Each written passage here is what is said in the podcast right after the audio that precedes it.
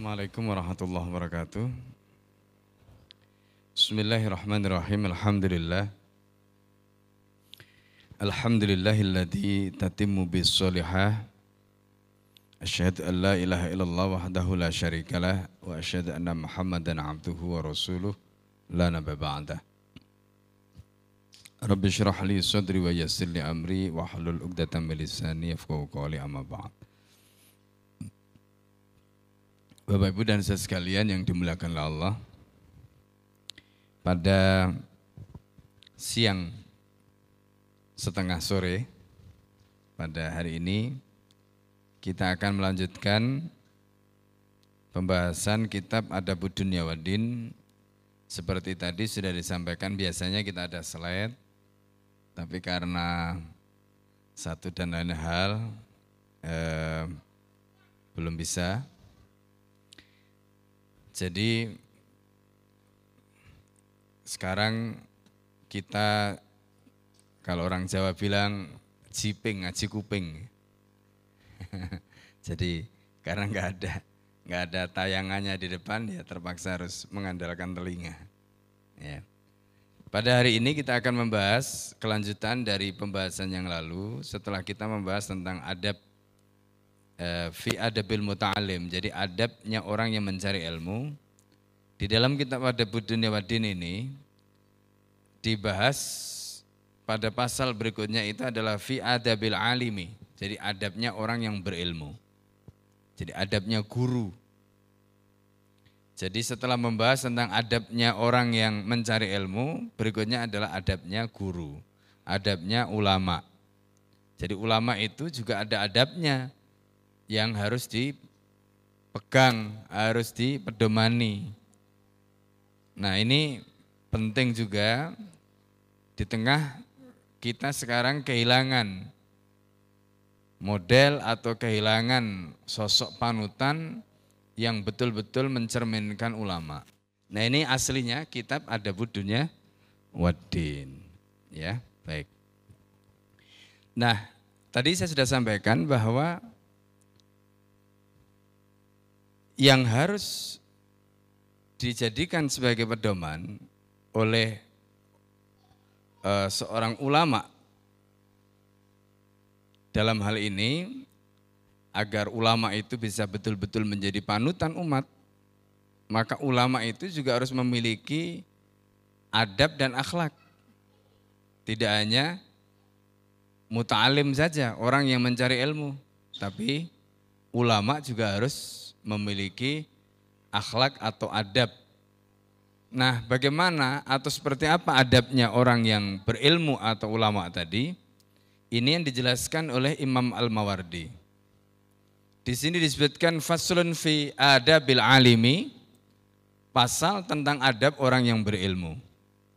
Fa amma ma yajibu ayyakuna alaihil ulama minal akhlaqi allati hiya bihim al yaku walahum alzamu. Jadi apa yang wajib menjadi akhlak para ulama yang dengan akhlak itu menjadikan mereka layak dan alzam ya. Maka fattawadu'u nah ini. Jadi yang pertama akhlaknya ulama itu adalah tawadu ulama itu meskipun dia punya ilmu tetap wajib tawadu tawadu itu bukan tahu warna duit ya sekarang kan dipelesetkan tawadu tahu warna duit ya jadi nanti akhirnya jadi ulama mata duitan. Bukan begitu maksudnya. Tapi tawaduk dalam pengertian yang sesungguhnya. Tawaduk dalam arti betul-betul ulama itu memiliki sikap ya kerendahan hati. Nah, itu yang dimaksud dengan tawaduk di sini. Tidak sombong, tidak angkuh, tidak takabur, Kemudian yang kedua wa nabatul ujub. Ulama itu harus menjauhi sikap ujub, membanggakan dirinya. Menunjukkan kehebatan dirinya. Apakah kehebatan dirinya, kehebatan organisasinya, ke, kehebatan enggak boleh. Karena ketika dia menunjukkan sikap ujub. Ujub itu dari kata ajabah. Ya. Nah, ujub ini adalah sikap membanggakan diri, mengagumi diri. Ujub ini adalah bentuk kesombongan sebenarnya. Karena itu orang yang ujub biasanya kemudian memiliki sikap ikbarun nafsi. Menganggap dirinya hebat.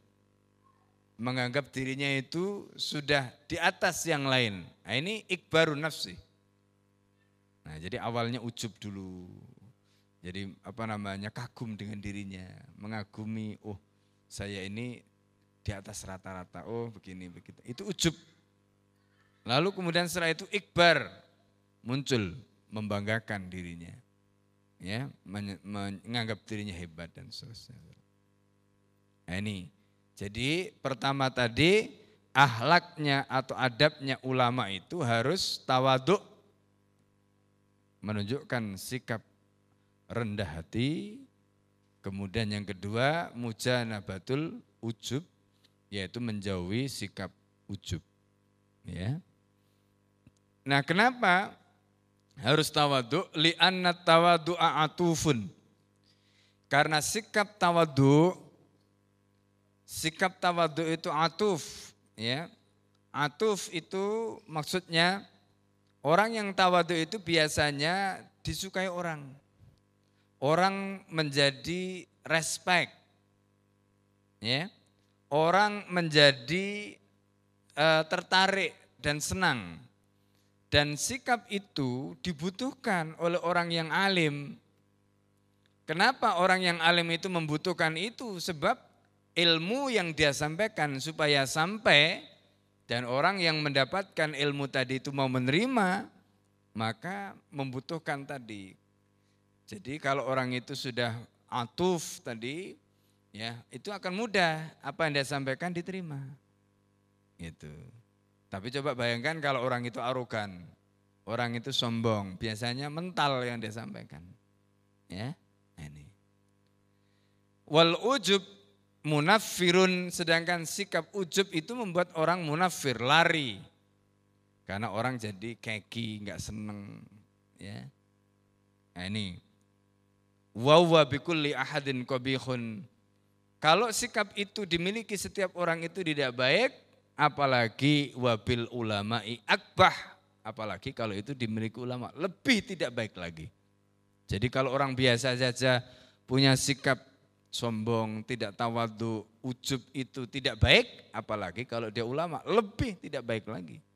Li'anan nasabihim yaktadun, karena orang-orang itu menjadikan mereka sebagai kudua, sebagai panutan. Coba bayangkan orang yang menjadi panutan sikapnya seperti itu. Maka kalau kita lihat Rasulullah Shallallahu Alaihi Wasallam sebagai Ar-Rasulul Muallim, seorang Rasul yang juga menjadi muallim. Ada kitab yang ditulis oleh Syekh Abu Ghuddah, Ar-Rasulul Muallim, Rasul sebagai seorang guru. Di dalam kitab yang lain yang ditulis oleh Syekh Rawaskol Ahji, Saksiatul Rasul Dirasa Tahliliyah, di situ disebutkan bagaimana sikap tawaduknya Rasulullah SAW. Jadi Rasulullah itu kalau salaman, satu bentuk tawaduknya Nabi itu, Rasulullah tidak akan melepaskan tangannya sebelum orang itu melepaskan tangannya. Masya Allah. Itu bentuk tawaduknya Rasulullah. Ya. Dan Rasulullah SAW kalau bersalaman akan melihat wajah orang itu. Itu juga sebagai bentuk ketawaduan Rasulullah SAW. Ya. Ini Rasulullah Sallallahu Alaihi Wasallam.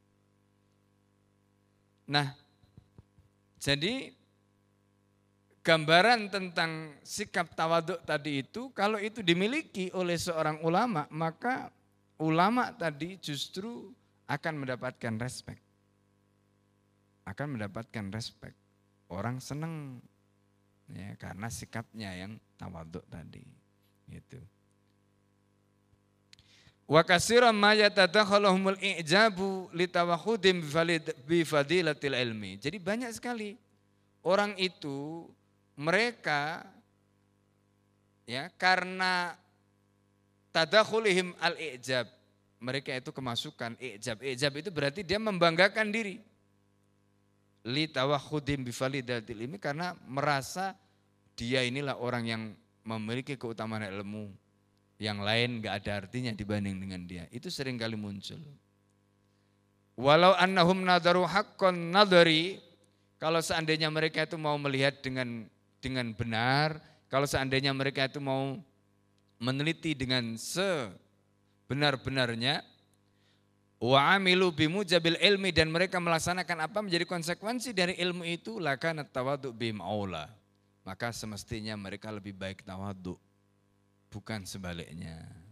Nah, jadi makanya ulama dalam hal ini sikapnya harus tawaduk dan tawaduk bagi ulama itu disebutkan tadi aula lebih utama. Wa mujanabatul ujub bihim ahra.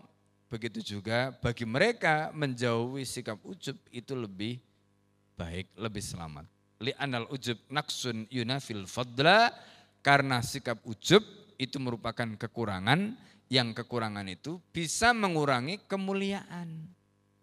Nah, ini kata Al-Mawardi. Jadi kalau orang itu ujub, membanggakan dirinya, menyombongkan dirinya, itu merupakan kekurangan. Dan kekurangan itu bisa menghilangkan atau mengurangi kemuliaan.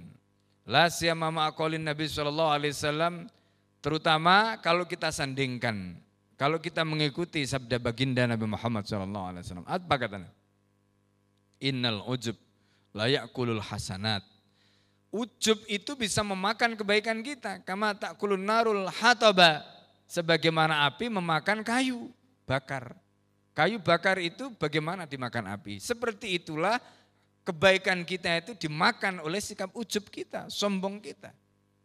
Ya kan? Makanya kalau orang itu punya kebaikan kemudian punya sikap ujub maka kebaikannya akan habis dimakan ujubnya tadi. Nah, seperti itulah maka dijelaskan seharusnya ujub dijauhi kemudian sikap tawaduk harus menjadi penghias dari amal dan juga perilaku para ulama tadi dengan begitu kesempurnaan itu akan semakin menghiasi cahaya ilmu yang ada dalam dirinya. Tanpa itu justru sebaliknya.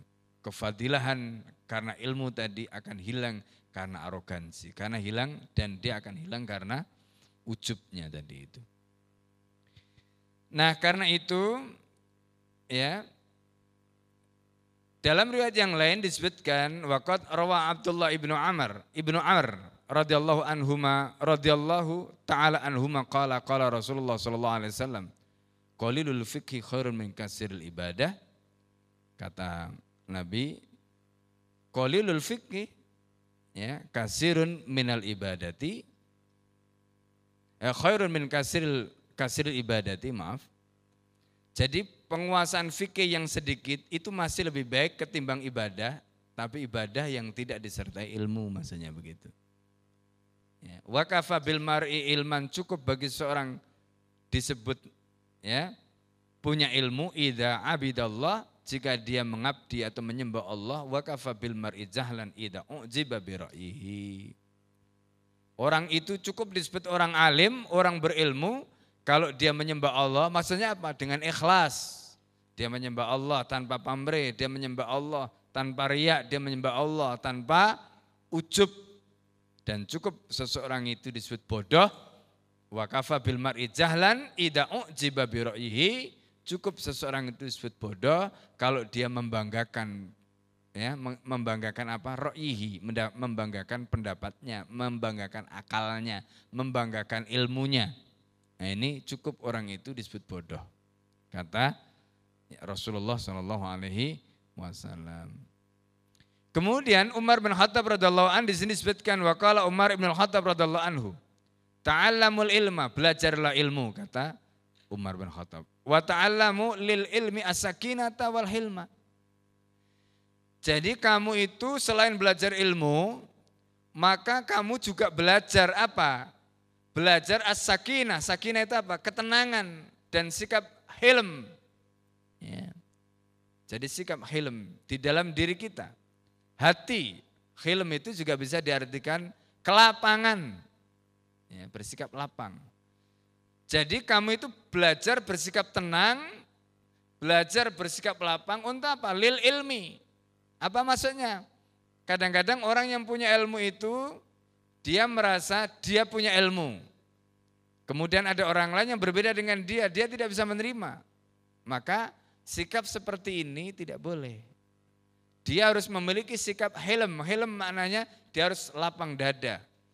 Bahwa ada orang yang berbeda dengan dia, ya, ada orang berbeda dengan dia, dia harus paham, ya. Dan itu selama perbedaan tadi itu syar'i nggak ada masalah. nggak ada masalah. Ya kan? Nah, itu namanya sikap hilm dan sikap hilm itu bagian dari sesuatu yang harus dipelajari dalam ilmu tadi. Jadi bukan hanya menuntut ilmunya, tetapi belajar untuk bersikap sakinah, belajar untuk bersikap tenang, belajar untuk bersikap apa namanya hilm tadi, lapang, wa tawadu'u liman tata'allamuna minhu. Dan kamu bersikaplah tawadu kepada orang yang tata'allamuna minhu yang kamu belajar darinya. Maksudnya bersikap tawaduk kepada guru, bersikap tawaduk kepada orang yang mengajari kita.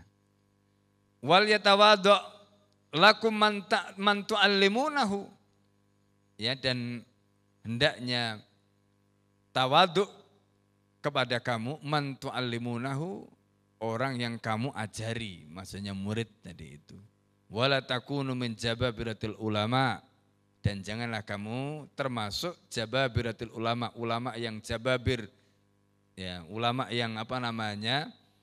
Eh, bisa juga disebut arogan, nggak boleh, ya. Kemudian tadi itu ijab atau ikbarun nafsi menganggap dirinya paling top, gitu. Nah ini tidak boleh.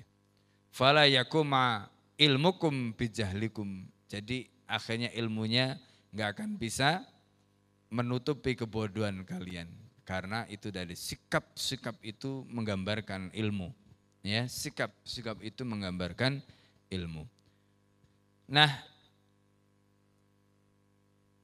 kemudian saya tidak akan baca semua karena ini panjang, saya akan pilihkan saja. Jadi kalau kita lihat tadi bagaimana apa yang disampaikan oleh Imam Al-Mawardi dalam kitabnya Ada Dunia Wadin ini tentang sikap tawaduk. Seorang alim itu harus punya sikap tawaduk Ya, orang yang alim itu harus muja nabatil ujub, dia harus menjauhi sikap ujub, membanggakan dirinya sendiri, menganggap dirinya memuji-muji dirinya, menganggap dirinya hebat dan seterusnya. Ya. Nah, ini ini harus dijauhi. Dan seperti disebutkan dalam hadis Nabi yang lain, jadi saya pernah sampaikan di majelis ini, Kenapa Rasulullah SAW menyatakan la yadkhulul jannah man kana fi qalbi khardalun minal kibr tidak akan masuk surga orang yang di dalam hatinya ada satu biji sawi kesombongan. Orang yang sudah sombong itu biasanya hatinya sulit untuk menerima ilmu dari orang lain.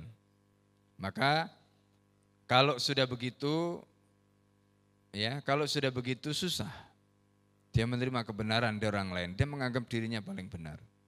Ini hilang sikap tawaduk. Hilang sikap tawaduk. Ya, dalam pembahasan yang lalu saya sudah contohkan bagaimana kisah dialog atau diskusi antara Al Hasan, eh, maaf Muhammad Al Hanafiyah dengan Imam Malik gara-gara soal apa? Soal junub dan tayamum.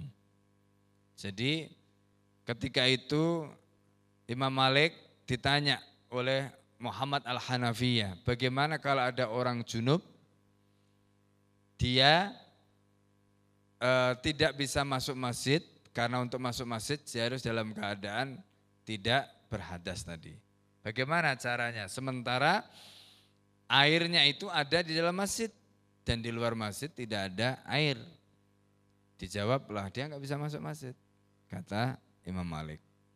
Lalu kemudian Muhammad Al-Hanafiyah tanya lagi.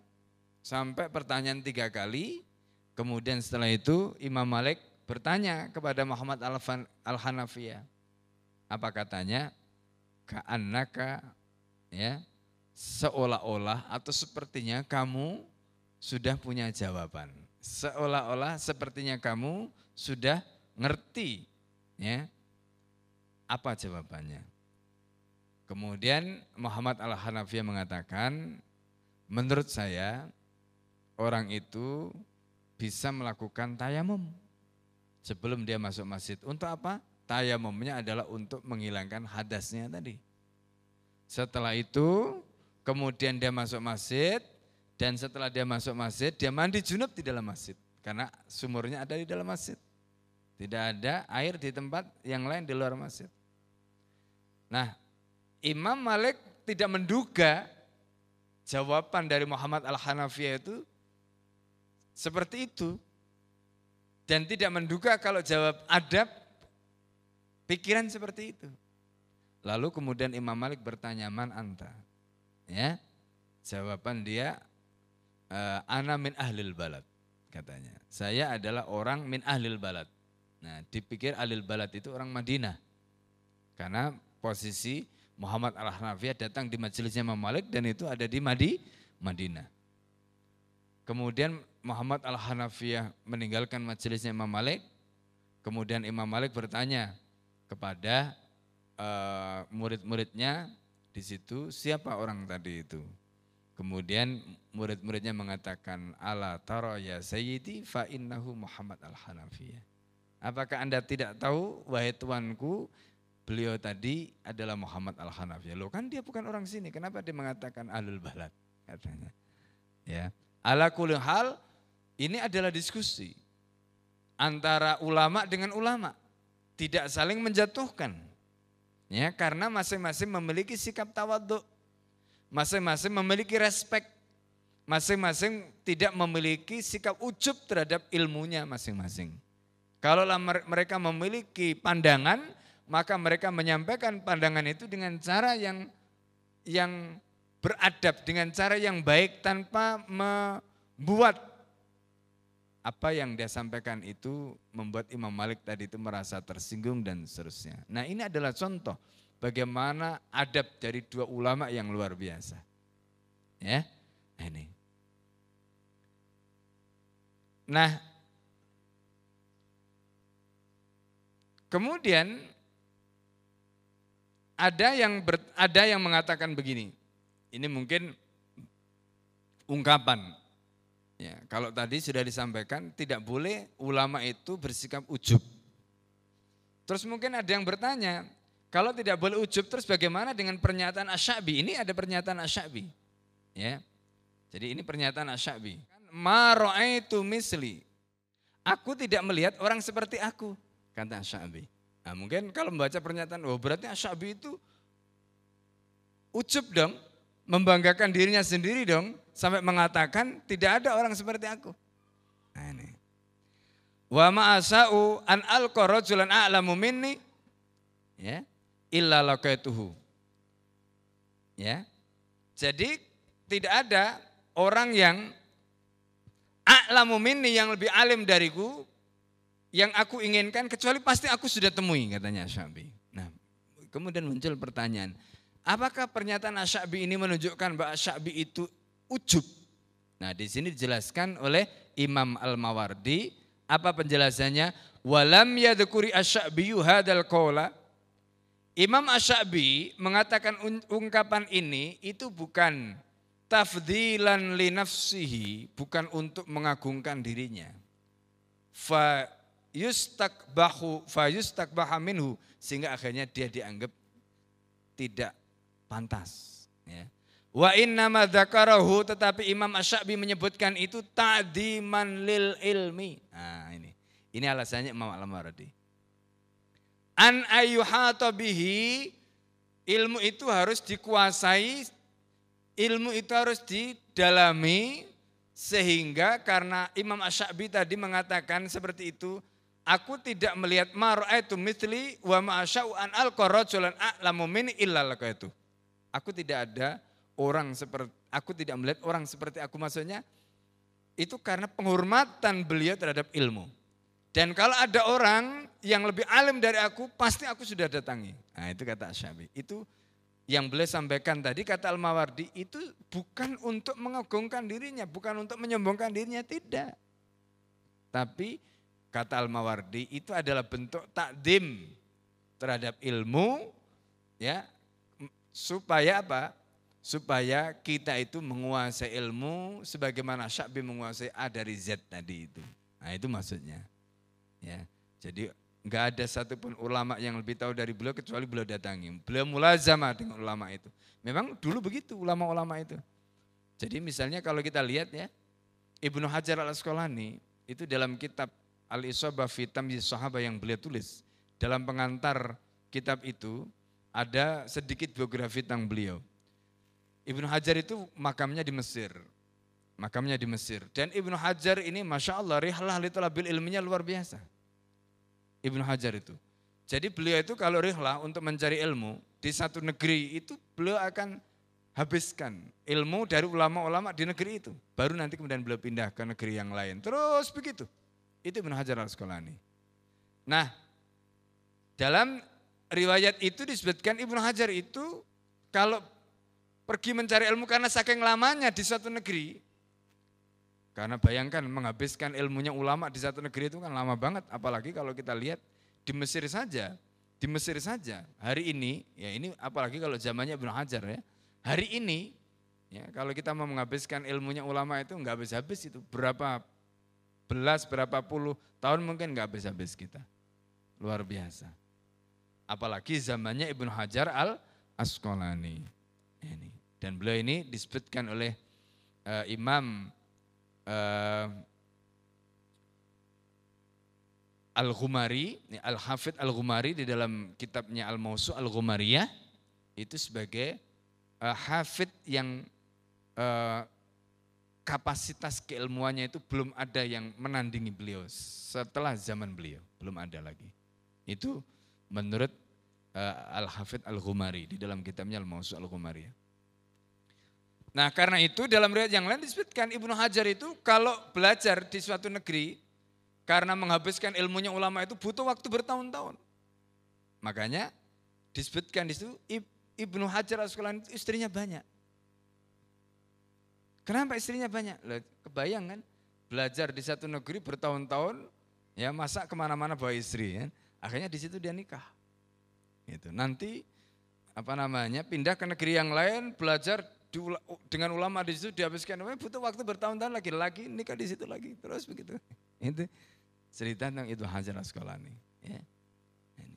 Jadi itu menunjukkan apa? Menunjukkan kedalaman ilmu-ilmu yang dipelajari oleh ulama di masa lalu. Ya, kedalaman ilmu-ilmu yang dipelajari ulama di masa lalu. Begitu luar biasa. Ya, ulama-ulama di masa lalu itu Masya Allah. Nah karena itu fayan bagi liman alima ayan duro ila nafsihi liman alama karena itu sebaiknya orang yang mengajar ayan duro ila nafsi binaksi maqassara Jadi dia itu harus memperhatikan kekurangan dirinya ya binaksi maqassara Apa yang menjadi kekurangannya, apa menjadi kelemahan dia. Ya. Di antaranya adalah yusallima min ujub ma adraka minhu supaya dia bisa selamat dari ujub. Nah ini, selama dia bisa tadi itu ya, selama dia bisa menjauhkan atau selama dia bisa menghindar. Nah, karena ujub ini bisa membahayakan. Fakot kila fi mansuril hikam, Ida alimta falatu fakir fi kasrati man tunaka minal juhali. Ya. Atau ida alamta kalau kamu ngajar atau kalau kamu menjadi orang yang alim falatu fakir fi kasrati man tunaka minal juhali, kamu jangan berpikir dengan memperhatikan banyaknya orang bodoh di bawah kamu. Walakin undur man fauqaka minal ulama. Nah ini. Jadi untuk menjadi jadi kita itu supaya kita tidak sombong, supaya kita tidak sombong, ini saran yang bagus jangan melihat orang-orang bodoh di bawah kita. Seperti orang itu, orang itu kan dinasihati supaya kita konaah dengan apa yang kita miliki, kita mestinya harus ya jangan kalau pengen kona'ah itu konteksnya dengan harta jangan melihat yang atas kalau yang atas itu orang kaya maka kita ya nggak akan puas karena mungkin kita miskin tapi melihat orang kaya. Ya. Nah, justru melihat yang lebih rendah di bawah kita. Tapi dalam konteks ilmu nggak boleh begitu. Dalam konteks ilmu, kalau kita melihat orang yang di bawah kita, kita akan muncul sombong karena kita merasa paling hebat. Tapi kalau kita melihat orang di atas kita, orang yang lebih hebat daripada kita, maka di situ kita akan merasa bahwa kita ini belum ada apa-apanya. Kita ini bukan siapa-siapa. Begitu. Itu penjelasan yang beliau kutip dari uh, Manturul Hikam, dari kitab-kitab yang membahas tentang hikam atau uh, makalah dari para hukama. Ini. Nah, jadi ini gambaran yang luar biasa. Jadi supaya kemudian kita memiliki sikap, memiliki adab, memiliki uh, apa namanya tabiat yang seharusnya dimiliki oleh seorang ulama tadi itu. Bahkan di sini diungkapkan nih, man syaa aisan hamidan yastafidu fi fi dinihi thumma fi dunyahu ikbalan ini ada ungkapan yang menarik dari Ibnul Amid. Ya. Disebutkan di sini man sya'esan hamidan kalau ada orang yang pengen hidup terpuji. Yastafidu bifidinihi di mana dengannya dia bisa artinya orang bisa mendapatkan faedah dalam urusan agama dia summa fi dunyahu ikbalan kemudian dia juga akan diterima dalam apa namanya kehidupan di dunianya fal yandurunna ilaman fauqahu adaban maka hendaknya orang itu melihat kepada orang yang adabnya lebih tinggi daripada dia. Wal yanduruna ilaman duna malan dan dia hendaknya melihat orang yang lebih sedikit hartanya di bawah dia. Nah ini jadi kalau dia urusan harta melihat orang yang di bawah dia.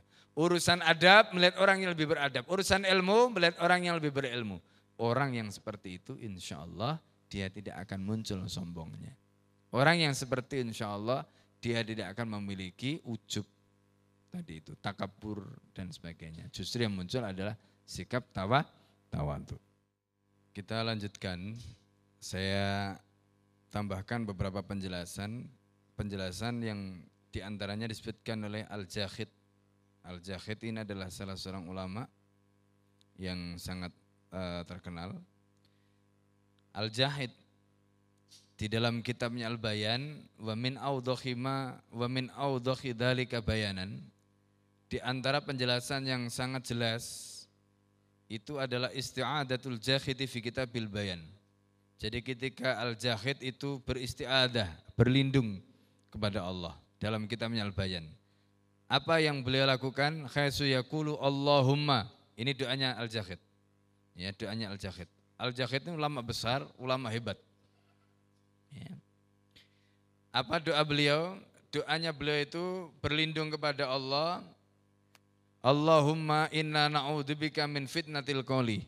Ya Allah, saya berlindung kepadamu, kami berlindung kepadamu dari fitnatil qol. Dari fitnahnya ucapan. Kama na'udzubika min fitnatil amal. Mungkin ada pertanyaan, kapan ucapan itu bisa menjadi fitnah? Ya, Kapan ucapan itu bisa menjadi fitnah? Jadi kita kadang-kadang tidak sadar ya, omongan kita itu bisa menjadi fitnah. Entah itu sengaja atau tidak. Ya. Nah ini. Kemudian yang kedua, kama na'udzubika min fitnatil amal. Kadang-kadang fitnah itu jadi kadang-kadang amal itu bisa menimbulkan fitnah. Maka Jahid berdoa kepada Allah, berlindung kepada Allah dari fitnahnya amal. Artinya amal yang menyebabkan uh, terjadinya fitnah. Jadi amalnya itu bisa menjadi fitnah. Ya, fitnatil amal tadi. Kemudian berikutnya wa na'udzubika min takallufi lima la nuhsin. Kemudian kami berlindung kepadamu dari takalluf. Takalluf itu bersikap apa namanya eh, memaksakan diri. Lima lanuhsin terhadap perkara yang kami tidak apa ber atau memiliki kebaikan atau kompetensi atau bers, apa ihsan ya. Artinya dia tidak mampu tapi kemudian pura-pura mampu. Dia tidak bisa tapi pura-pura bisa itu namanya takaluf fi Nah, ini. Jadi akhirnya yang muncul itu adalah apa sikap-sikap yang tidak orisinal itu. Ya, karena memaksakan diri. Nah, takaluf itu dilarang. Dalam hadis ada seorang uh, Rasul uh, maaf Umar bin Khattab bukan hadis ini. Jadi Umar bin Khattab itu ketika menghadapi ada nas yang nas itu ada iskal, ada ambigu. Ya. Wa atau wa abba. Wa atau wa abba dalam surat Abasa. Ya, wa atau wa abba. Mata'allakum wali an'amikum. Kata Umar bin Khattab, amal fakihah fa'araftu. Tentang fakihah saya tahu. Wa amal ab, tapi apa itu ab? Nah, kemudian Umar bin Khattab mengatakan nuhina anitakalluf. Kita dilarang untuk bersikap takalluf, memaksakan diri, nggak ngerti tapi sok ngerti. Nah itu namanya takalluf. Nah ini yang disebutkan takalluf lima lanuhsin. Kita tidak menguasai, kita tidak tahu tapi sok tahu. Nah ini namanya takalluf. Takalluf lima lanuhsin. Wa kama na'udzubika minal ujub bima nuhsin. Jadi kalau kita tidak tahu, sok tahu itu juga tidak boleh. Tahu kemudian kita ujub membanggakan tahunya kita, itu juga tidak boleh. Ini repot juga. Ya kan? Jadi wa na'udzubika minal ujub bimanuhsin. Jadi kita tahu tapi karena kita merasa expert, kita merasa menguasai, kemudian kita membanggakan, itu juga tidak boleh. Itu ujub terhadap apa yang kita punya ilmunya, punya apa namanya, manuhsin, apa yang kita menguasai dengan baik tadi. Wa na'udzubika min syarri salatah wal hadar kama a'udzubika min syarril iyyi wal hasar. Nah, ini doanya. Nah termasuk kami berlindung kepadamu dari buruknya salatoh. Ini kekuasaan, ya kekuasaan yang bisa apa berdampak tidak baik. Ya. Ini ini di antara doa-doa yang disampaikan atau doa yang dikemukakan oleh Al-Jahid. Kemudian wa na'udzubikum min syarril wal hasar. Jadi ai itu maknanya bisa buta, bisa ya buruknya jadi berlindung dari buruknya kebutaan bisa buta karena tidak punya ilmu, bisa buta karena tidak tahu, ya atau buta dalam pengertian yang sesungguhnya. Jadi ulama itu sampai berlindung kepada Allah seperti Al-Jahid tadi dari sikap ujub. Nah, ini kan.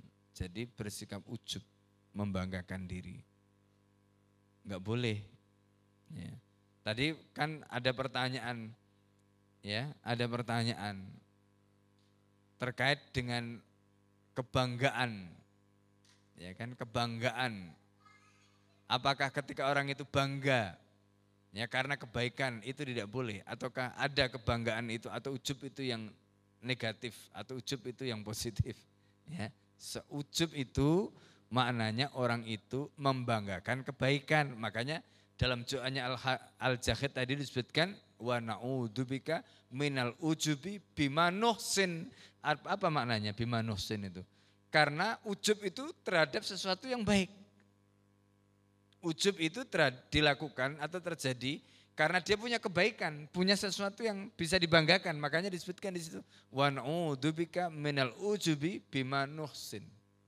Nah itu. Ya. Kebalikannya la nuhsin dalam perkara yang tidak baik, yang tidak sempurna, yang perkara yang kurang, dia tidak boleh takaluf juga tidak boleh. Artinya memaksakan diri bergaya seolah-olah dia mampu, seolah-olah dia bisa, padahal dia nggak bisa. Nah ini, ya itu namanya takaluf. Ya. Nah ini, jadi itu juga tidak boleh. Jadi kesimpulannya apa? Tidak ada ujub itu yang baik. Ujub itu semuanya nggak baik. Itu. Ujub itu semuanya tidak baik. Meskipun ujub itu terjadi karena orang itu punya kebaikan. Nah, karena nggak ada ceritanya orang itu bangga dengan keburukan itu enggak ada. Orang itu biasanya ya, bangga dengan kebaikan. Nah itulah yang disebut dengan ujub. Makanya tadi disebutkan Ya, naudzubillah minal ujub bima nuhsin. Nah, itu, ya. Ini. Baik, itu konteksnya. Nah, tadi kita sudah jelaskan kapan itu uh, dikatakan ujub, kemudian kapan ketika orang itu menceritakan nikmat itu tidak termasuk ujub. Tadi kita sudah sebutkan tahadus binikmah, menceritakan nikmat itu adalah bagian dari bentuk syukur ya. Asana alal mun'im. Nah, ini. Berikutnya, berikutnya ini di antara di antara ahlak ulama atau adab ulama itu adalah disebutkan di sini. Jadi kalau tadi pertama apa? Adabnya, adabnya pertama tawaduk. Ulama itu harus tawaduk. Kemudian yang kedua adabnya apa? Mujanabatil ujub. Menjauhi sikap ujub. Tidak boleh. Ya. Nah, kemudian berikutnya di antara adab yang disebutkan oleh Nabi Muhammad SAW, man su'ila fa'afta bi ghairi ilmin faqad wa adallah. Nah, ini, ini juga adab. Maka jadi dalam hadis ini disebutkan waruya anin Nabi SAW anokol diriwayatkan dari Nabi SAW Nabi pernah bersabda man su'ila siapa yang ditanya fa'afta kemudian dia memberikan fatwa. Bi ghairi ilmin padahal dia nggak punya ilmu itu namanya takaluf. Jadi nggak ngerti ditanya, sok ngerti kemudian dia ngomong. Supaya dianggap ngerti, itu namanya takaluf. Ya, tidak boleh.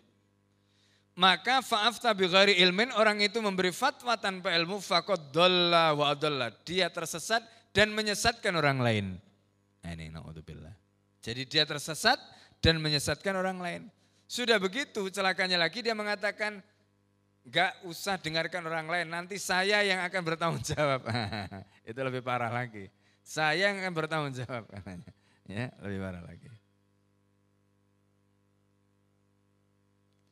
Nah, ini contoh yang menarik. Waqala ba'dul hukama minal ilmi alla tatakallama fi ma la ta'lam bi kalamin bi kalami man ya'lam. Ini. Jadi di antara ilmu itu maksudnya ciri ilmu itu adalah Allah lama ketika kamu tidak bicara fi la ta'lam dalam perkara yang kamu tidak tahu. Bikalamin bikalami man ya'lam dengan penjelasan orang yang tahu. Jadi ada orang yang tahu, dia menjelaskan, terus Anda tidak mengerti penjelasan itu tapi Anda sampaikan pada orang lain, itu kesalahan. Ya, itu kesalahan, tidak boleh. Sekarang kan banyak ini orang yang sok ngerti gitu. Terus dia menilai orang lain. Ya kan? Saya tidak perlulah sebut namanya. Ya kan? Ini. Terus dianggap pakar, dianggap ahli. Gitu kan? Dianggap ahli. Ke sana kemari dia ngomong ini sesat lah karena akidahnya dalam hal kodok dan kodar. Ya kan? Macam-macam lah. Ini mu'tazilah lah, ini itu macam-macam gitu kan. Nah ini termasuk maka orang seperti ini kalau menurut penjelasan Imam Al-Mawardi termasuk orang yang jahil. Ya, itu ciri orang yang jahil. Kenapa? Karena Imam Al-Mawardi mengatakan minal ilmi di antara ciri ilmu itu apa? Allah tatakallama, kamu tidak ngomong, kamu tidak menjelaskan fima la ta'lam dalam perkara yang kamu tidak tahu. Ya. Bi kalami man dengan penjelasan orang yang kamu man ya'lam dengan penjelasan yang orang itu tahu. Jadi gini, kita tahu orang itu tahu, kemudian dia menjelaskan, tapi kita nggak paham, kita gunakan penjelasan dia untuk menjelaskan pada orang lain, akhirnya salah paham orang lain. Padahal orang lain itu salah, kita menjelaskan tadi karena kita salah paham. Nah, yang celaka lagi, kita nggak ngerti penjelasan orang itu, tapi kemudian kita nisbatkan kesalahan kita dalam memahami penjelasan itu kepada orang itu, berarti kita melakukan dosa dua kali. Ya kan? Dosa pertama apa? Kita nggak ngerti, sok ngerti. Nah itu. Kemudian yang kita nggak ngerti tadi itu, kita nisbatkan kepada orang tadi. Itu sudah salah. Berarti apa? Kita menisbatkan sesuatu yang sebenarnya bukan dia katakan. Ya, Nah ini, ini namanya iftira alal kadib. Lancang melakukan kebohongan. Nah ini tidak boleh. Itu. Terus kesalahan berikutnya adalah dia ya menuduh apalagi kemudian dia mengatakan, oh ini sesat, ini itu macam-macam. Padahal dia mengatakan begitu tadi itu karena ketidakngertian dia memahami orang tadi, memahami ulama tadi. Terus sudah begitu disebarkan pada orang lain. Dosa berapa kali dia? Pada orang lain lagi. Nah, makanya kita harus hati-hati. Ya, harus hati-hati. Jadi ketika kita menisbatkan pendapat pada orang itu, kita harus teliti betul. Betul enggak ini pendapat dia? Itu. Jangan-jangan ini persepsi kita tentang orang itu. Begitu caranya. Itu namanya sikap ya kehati-hatian, ikhtiyat. Gitu. Nah, tidak boleh kita mengatakan ini pendapat si fulan, padahal apa yang kita katakan itu ternyata bukan, itu persepsi kita. Contoh misalnya begini ya, ada seseorang ya, itu menisbatkan pendapat misalnya tentang ini contoh eh, terkait dengan kemaksuman Nabi. Ini contoh pembahasan tentang kemaksuman Nabi. Ya, ini masalah akidah. Karena masalah akidah ini kan masalah sensitif kan. Nah dalil tentang kemaksuman Nabi itu, Nabi itu maksum, itu dalilnya menggunakan dalil akal. Dalam arti konsekuensi dari tugas nubuah.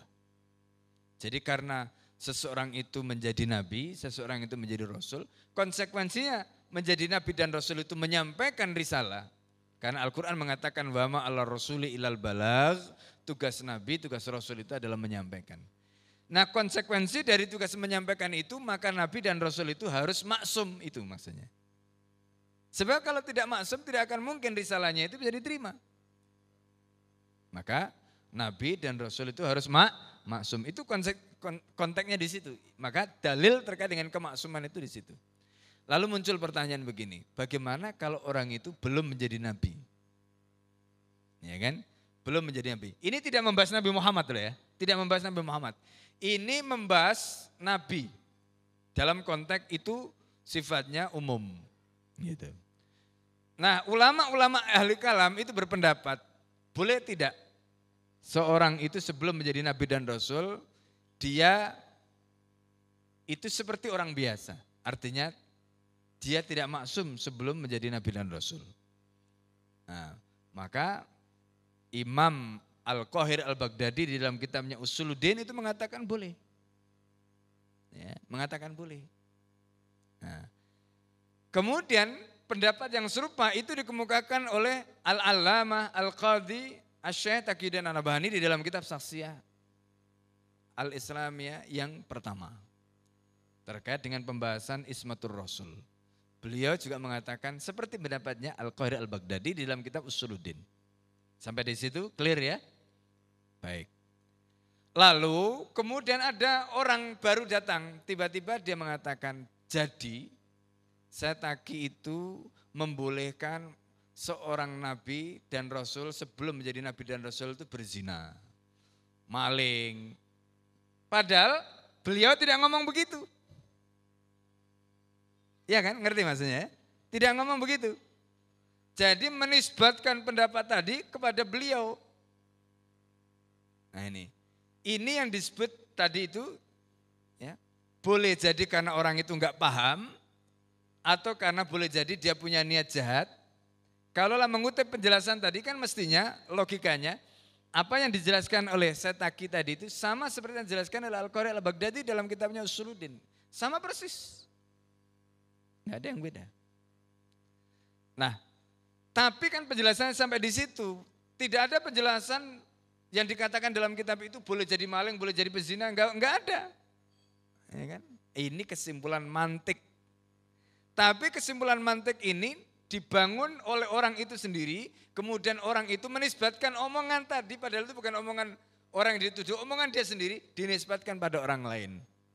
Celakanya orang kemudian percaya. Nah, makanya ini termasuk di antaranya fitnatul qaul. Ya, ucapan yang bisa menjadi fitnah.